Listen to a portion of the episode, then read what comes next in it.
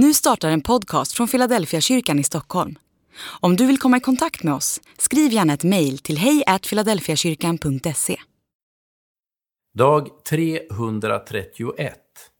Det är i honom vi lever, rör oss och är till.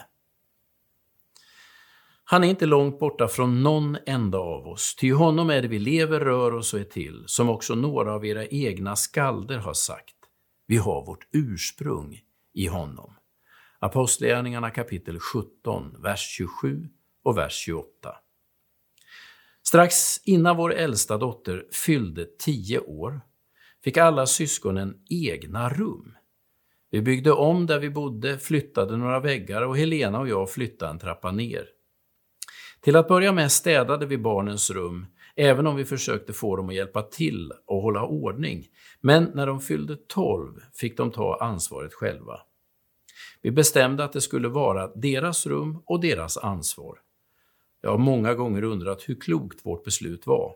Mer än en gång har jag stått utanför våra barns dörrar och sagt att om de inte städade så skulle jag bli tvungen att kalla in en saneringsfirma. Det har hänt att vi har rykt ihop och de har stängt in sig på rummet. Vi har stått utanför och försökt förhandla, locka och lirka. Men vi har respekterat den stängda dörren. Någon gång har de ropat inifrån den stängda dörren att det är deras rum och att de bestämmer själva. Jag vet att jag haft lust att säga att det inte alls är deras rum utan mitt och Helenas rum eftersom vi äger huset. Men jag har hållit tyst. Jag tänker ibland på vårt hus och barnens rum när jag läser Bibeln. Det är sant att det är i honom vi lever, rör oss och är till. Men det betyder inte att Gud är ansvarig för allt vi säger och gör.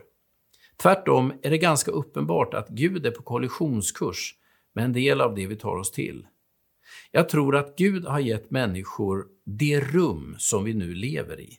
Det är vårt ansvar, men det är ändå inrymt i Guds stora egendom.